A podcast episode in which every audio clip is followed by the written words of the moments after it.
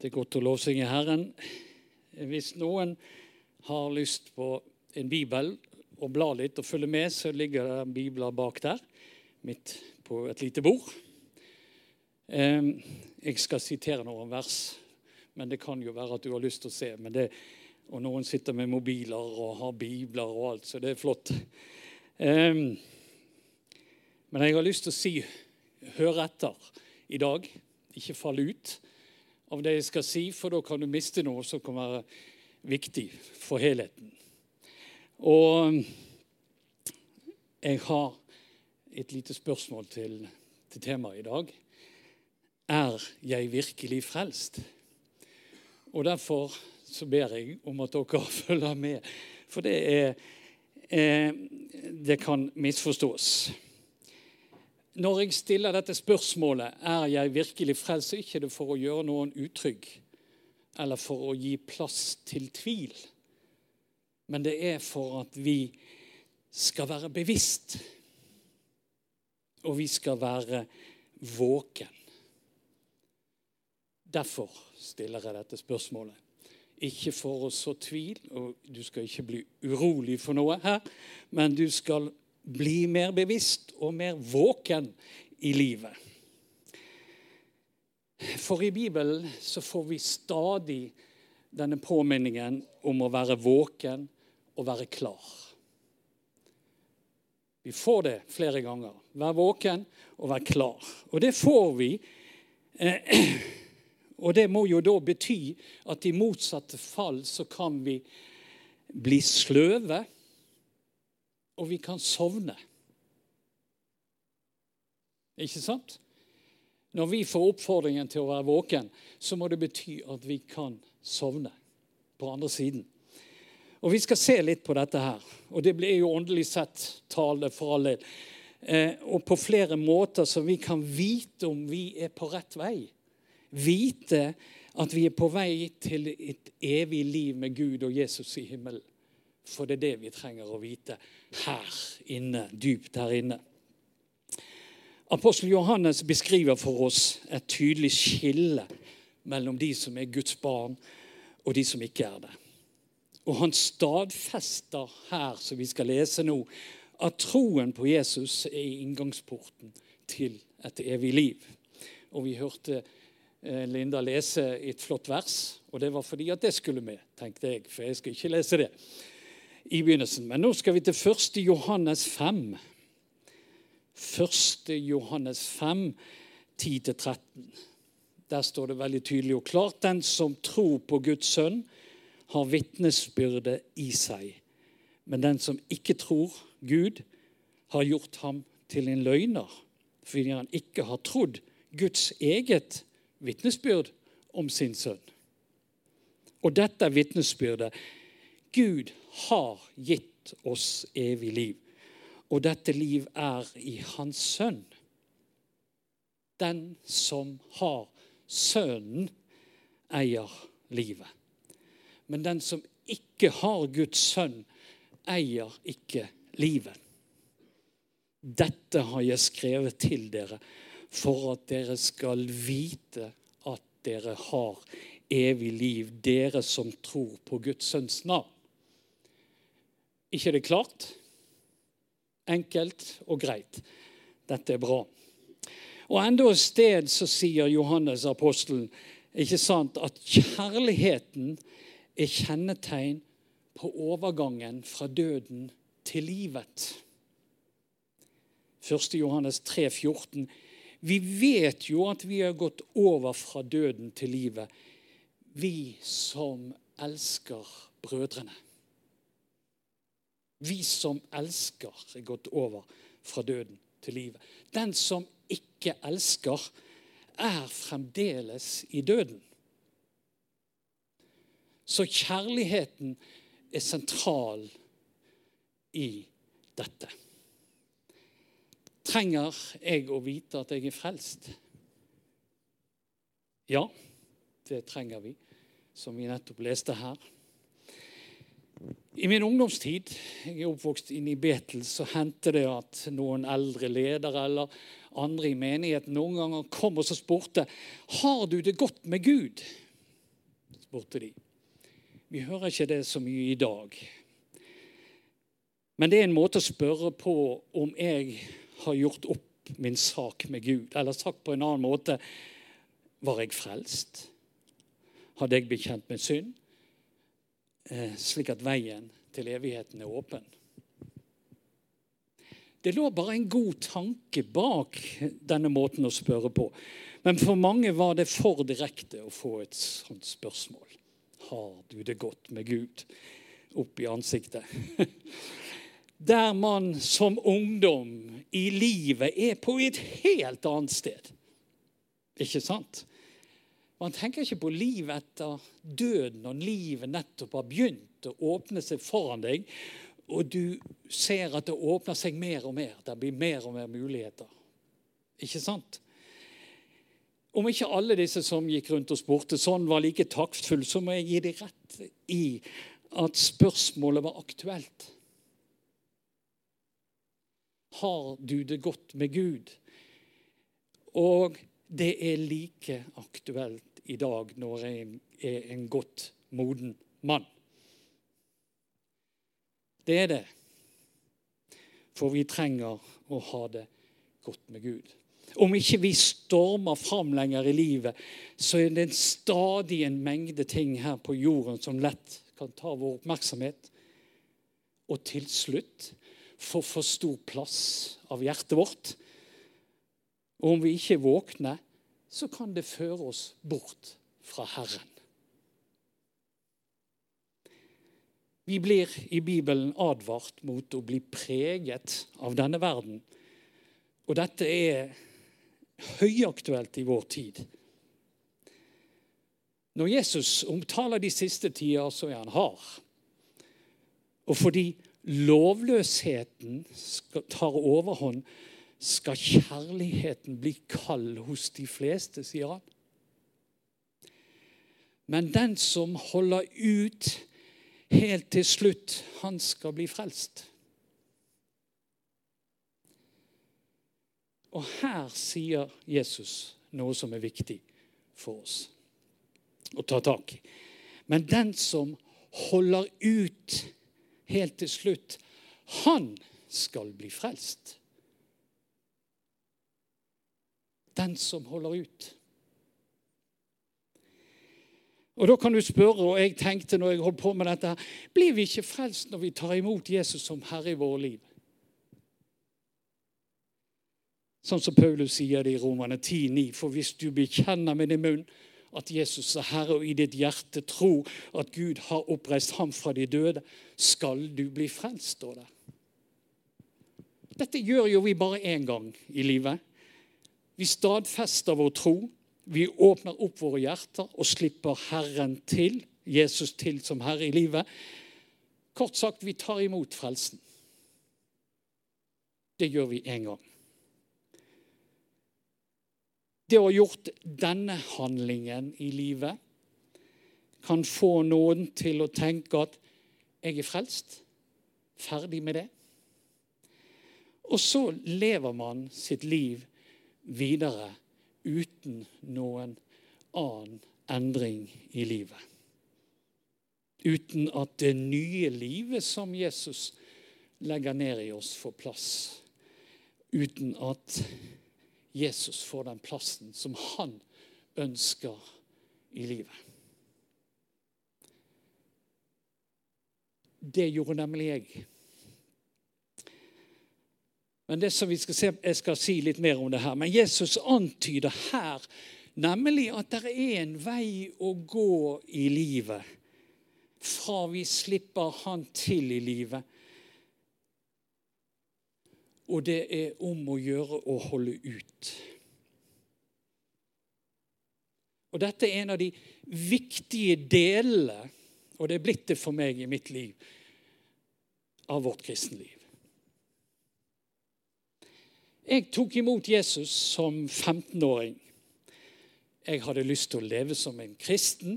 Jeg gikk i menigheten og var med i alt som foregikk. Ja, jeg, Som ungdom nærmest bodde jeg i menigheten. Jeg var der omtrent hver eneste dag. ikke sant? Og Etter hvert så ble jeg gift med Edith. Vi var begge aktive i barne- og ungdomsarbeidet. Og vi fikk etter hvert barn. Og gradvis ble menigheten lenger og lenger borte for oss. Vi gikk ikke så ofte på møter lenger og leste mindre og mindre i Bibelen. Og av erfaring har jeg lyst til å si obs her i livet. Det å få barn kan, om en ikke passer på, føre en lenger og lenger vekk fra Gud. Og fra menighetsfellesskapet. Hvis ikke man har gode vaner i ekteskapet på bibellesning og bønn og, og fellesskap.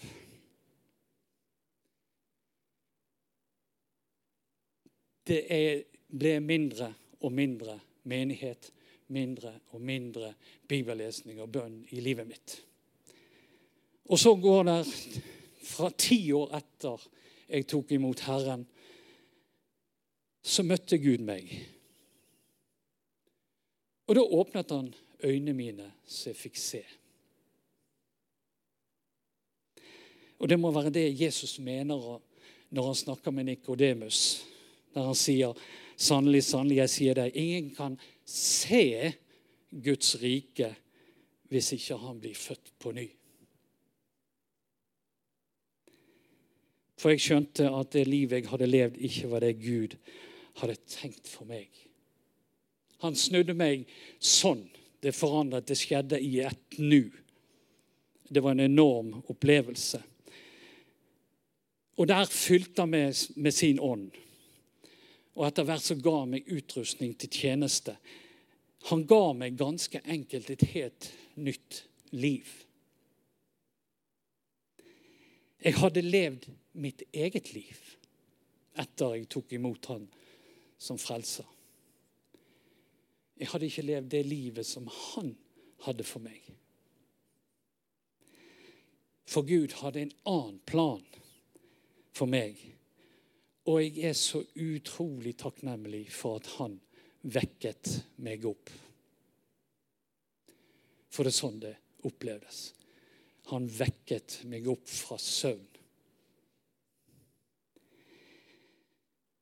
I første Peters brev snakker Peter om å bli bevart ved troen. Og Vi skal lese det første Peter 1, 3-5. Lovet være Gud, vår Herre Jesu Kristi Far, Han som i sin rike miskunn har født oss på ny og gitt oss et levende håp ved Jesu Kristi oppstandelse fra de døde. Vi skal få en arv som aldri forgår og ikke flekkes til eller visner. Den er gjemt i himmelen for dere som gjennom Guds kraft blir bevart ved troen, så dere skal nå fram til frelsen. Den ligger alt ferdig til å åpenbares ved tidens ende. Her slås det fast at frelsen ligger fram i tid.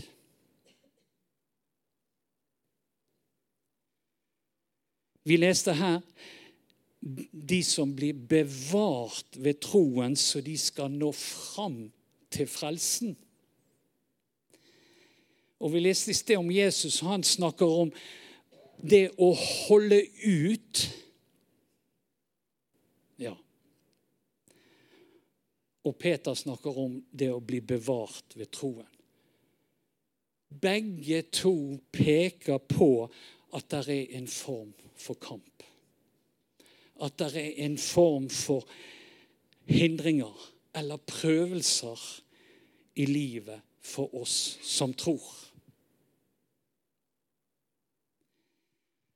Og Peter han forklarer dette så fint videre i 1. Peter 1, 6-9.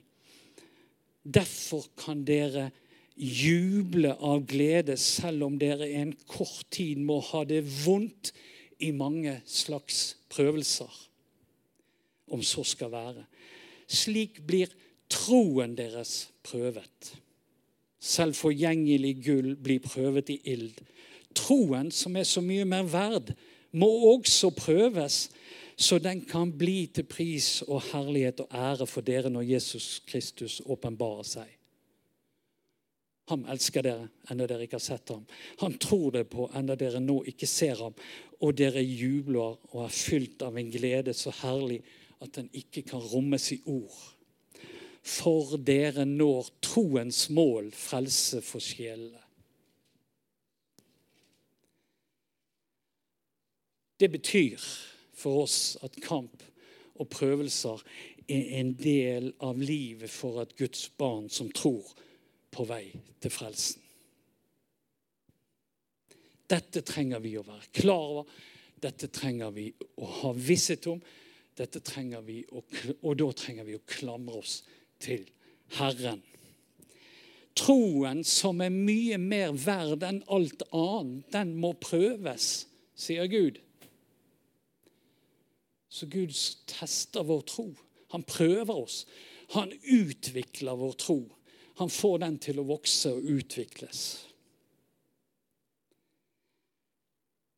Gud er kjærlighet.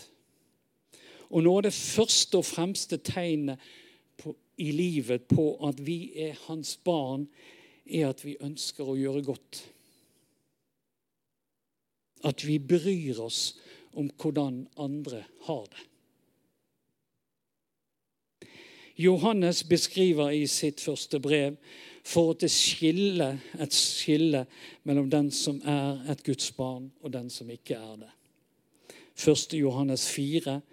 Jeg leser både fra vers 7 og 8 og 20 og 21 der. 1. Johannes 4. Mine kjære, la oss elske hverandre, for kjærligheten er fra Gud. Og den som elsker, er født av Gud og kjenner Gud. Den som ikke elsker, har aldri kjent Gud. For Gud er kjærlighet. Og om noen sier at han elsker Gud, men likevel hater sin bror, da har han en løgner. For den som ikke elsker sin bror som han har sett, han kan, kan ikke elske Gud som han ikke har sett. Og dette er det bud vi har fra ham.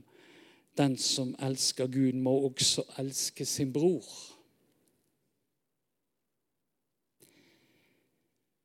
Det er med andre ord rett og slett ikke et valg for oss som vil bli frelst, men det er en nødvendighet å elske. Kjærligheten er den første frukt eller tegn på at vi er Guds barn på vei til frelsen i våre liv. Og troen den prøves bl.a. gjennom den kjærlighet vi har til andre mennesker.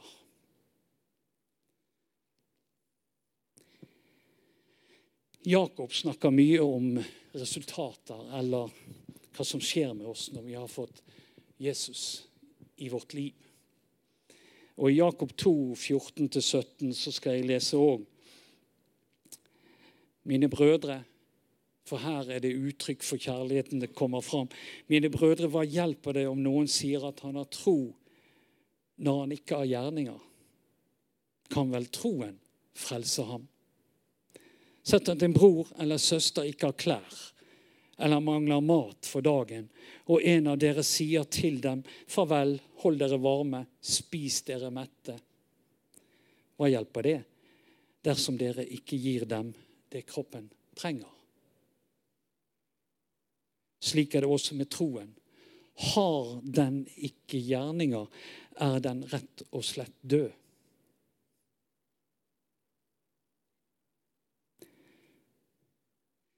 Troen på Jesus som frelser og herre holdes ved like av de gode tingene vi gjør i våre liv. De gode tingene vi gjør for andre mennesker. Så du kan egentlig vite om du er frelst gjennom den kjærlighet du har til dine medmennesker. Selvfølgelig kan vi alle svikte og kjenne på at vi ikke gjorde det vi kunne og burde ha gjort av gode gjerninger. Men vi kan få lov til å komme fram for Herren og få tilgivelse. Også for det å la være. Og det er godt. Men det er naturlig for en kristen å vise kjærlighet i alle livets situasjoner. For han som har tatt bolig her hos oss, han er kjærlighet.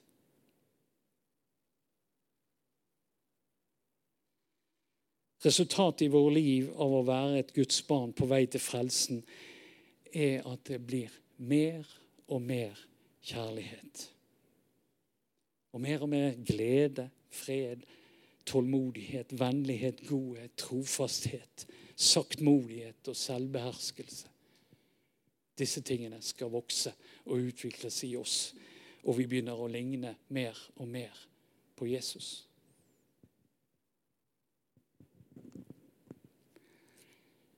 Vissheten om at vi er frelst og på vei til himmelen, vil Gud også at vi skal ha gjennom den tillit til Han og til det Han har sagt til oss i sitt ord.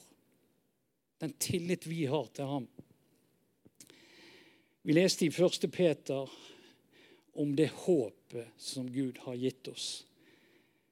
Og jeg siterer det igjen. Lovet være Gud, vår Herre Jesu Kristi Far, Han som i sin rike miskunn har født oss på ny og gitt oss et levende håp. Ved Jesu Kristi oppstandelse fra de døde. Erfarer vi Hans ord som sannhet, så vil vi stole på de løftene som Han gir oss i sitt ord. Et levende håp, står det her. Et håp som lever med oss, som holder oss våkne, som støtter oss, og som veileder oss på vei til himmelen. Det er et levende håp som Gud har gitt oss. Det fortelles om en liten, men godt fungerende by i USA som gjorde det godt, bl.a. fordi det var en fabrikk der. Så kom det beskjed fra myndighetene om at det skulle bygges en dam, en demning, og at denne lille byen ville bli oversvømt. Så alle fikk beskjed om å flytte. De fikk mange måneder på seg, folket der, til å flytte og finne seg andre steder å bo. Gjennom disse månedene så skjedde det en gradvis forvandling av denne byen. Det ble ikke gjort noen forbedringer når ting gikk i stykker. Verken på bygningene eller på veiene. Ingen malte husene sine. Og dag for dag egentlig så, så byen mer og mer slitt ut. Lenge før vannet kom, bar byen preg av at ingen brydde seg. Og den så rett og slett forlatt ut, selv om folket ikke hadde flyttet ennå en av innbyggerne uttalte.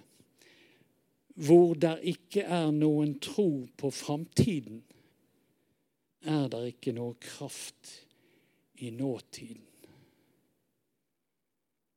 Hvor der ikke er noen tro på framtiden, er det ikke noen kraft i nåtiden. Vi trenger å ha tro i våre liv på en evighet i himmelen. Et håp som gir oss kraft til livet her. Vi mennesker er helt avhengig av å ha noe å tro på. Noe å se fram mot.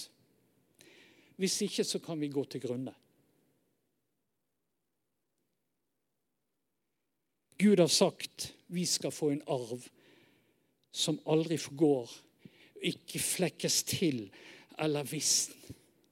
Den er gjemt i himmelen for dere. Vi skal få det.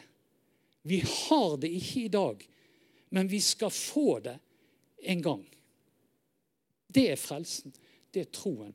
En gang skal vi få det. Og vi trenger at det er sånn. Vi trenger at vi skal se fram mot det. For det hjelper oss her og nå. Og i de dagene vi lever her på denne jorden. Så la oss gripe tak i det. La oss tro det, la oss håpe det. Leve som om det skal skje. For det er det som gir oss styrke til livet her. Og mens vi lever her, så har jeg lært at det er godt å løfte blikket og se fram mot evigheten. Det er godt å se fram og tenke seg fram at en dag er jeg hjemme hos Herren. Det er godt. Og det skal vi gjøre, for vi blir òg oppfordret til å gjøre det. Kolossene 3, 1-2. Er dere da reist opp med Kristus, så søk det som er der oppe, hvor Kristus sitter ved Guds høyre hånd. La sinnet tanken vår være vendt mot det som er der oppe, ikke mot det som er på jorden. Det vil hjelpe oss. Det vil hjelpe oss å leve her. Uansett hva vi gjør her på jorden, så vil vi aldri kunne fortjene å bli frelst. Og vi hørte det til innledning. Alt er av Guds nåde. Så det jeg har snakket om her, ikke en oppfordring til å ta tak i nakkeskinnet og løfte seg sjøl opp og bli så mye, mye bedre.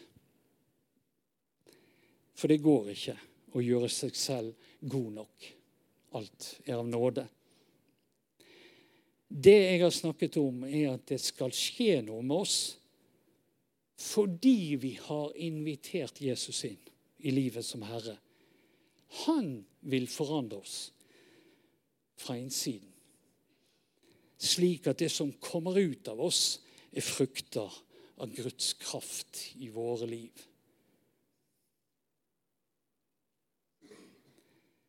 Hvem kan bli frelst? Jo, den som ydmyker seg og ber om det. Og egentlig er det jo da alle som vil bli frelst. Røveren på korset i Lukas 23 han hadde ikke mulighet til et liv i tro og håp eller noe som helst. Men han ydmyket seg, og han ba en enkel bønn. Jesus, husk på meg når du kommer i ditt rike. Jesus svarte, 'Sannelig, i dag skal du være med meg i paradis'. Det var nok. Den ene bønnen var nok. Røveren fant nemlig Jesus. Og det er det som skal til. Det er nok. Det er han som er veien, sannheten og livet. Og det er han vi skal forkynne og peke på med våre liv. Det er han vi skal gå ut med og det er han vi skal tilbe og ære. Og som vi leste helt i begynnelsen i teksten fra 1. Johannes 5 Og dette er vitnesbyrdet. Gud har gitt oss evig liv, og dette livet er i Hans Sønn. Den som har Sønnen, eier livet. Men den som ikke har Guds sønn, eier ikke livet. Dette har jeg skrevet til dere for at dere skal vite at dere har evig liv, dere som tror på Guds sønns navn. Har vi sønn, eier vi sønn, har vi funnet fram til sønnen, til Jesus. Og Jeg har lyst til å avslutte med å lese noen vers fra Romer, Paulus brev til romerne 5, 1-5. For her summeres det så flott opp. Hør på dette her. Da vi altså er blitt rettferdige ved tro, har vi fred med Gud ved vår Herre Jesus Kristus. Gjennom ham har vi også ved troen fått adgang til den nåde vi står i. Og vi priser oss lykkelig fordi vi har det håp at vi skal få del i Guds herlighet. Ja, ikke bare det. Vi priser oss lykkelig over våre trengsler. For vi vet at trengsel, eller prøvelsen om du vil, gir utholdenhet. Utholdenhet gir et prøvet sinn. Det prøvede sinn får håp. Og håpet skuffer ikke. For Guds kjærlighet er utøst i våre hjerter ved Den hellige ånd, som Han har gitt oss. Du verden. I noen få linjer så er det det hele. La oss holde ut i prøvelsene og holde fast i det håpet som Gud har gitt oss. Jeg takker deg, Herre, for at du kjenner oss. Du vet alt om oss. Og vi skal få lov å komme til deg sånn som vi er. Og du tar imot oss, for du elsker oss. Hjelp oss, Herre, til å ha vårt blikk på deg i den verden vi lever i. Hjelp oss til å se deg, forkynne deg, leve med deg. Ta til oss av alt det du sier, alt det du gir oss. Hjelp oss til å ha samfunn med deg. Hjelp oss til å ha forventning til at du gir oss det du har sagt du vil gi oss. Takk for at du er veien, sannheten og livet, og vi skal få vandre sammen med deg fram mot frelsen, der du en dag henter oss hjem til deg. Takk for at du er i himmelen og gjør i stand et sted der vi skal få være. Ja, og vi lengter etter å komme dit. Lengter etter å komme hjem. Takk for den kjærlighet du gir oss, og at vi skal få være hos deg. Amen.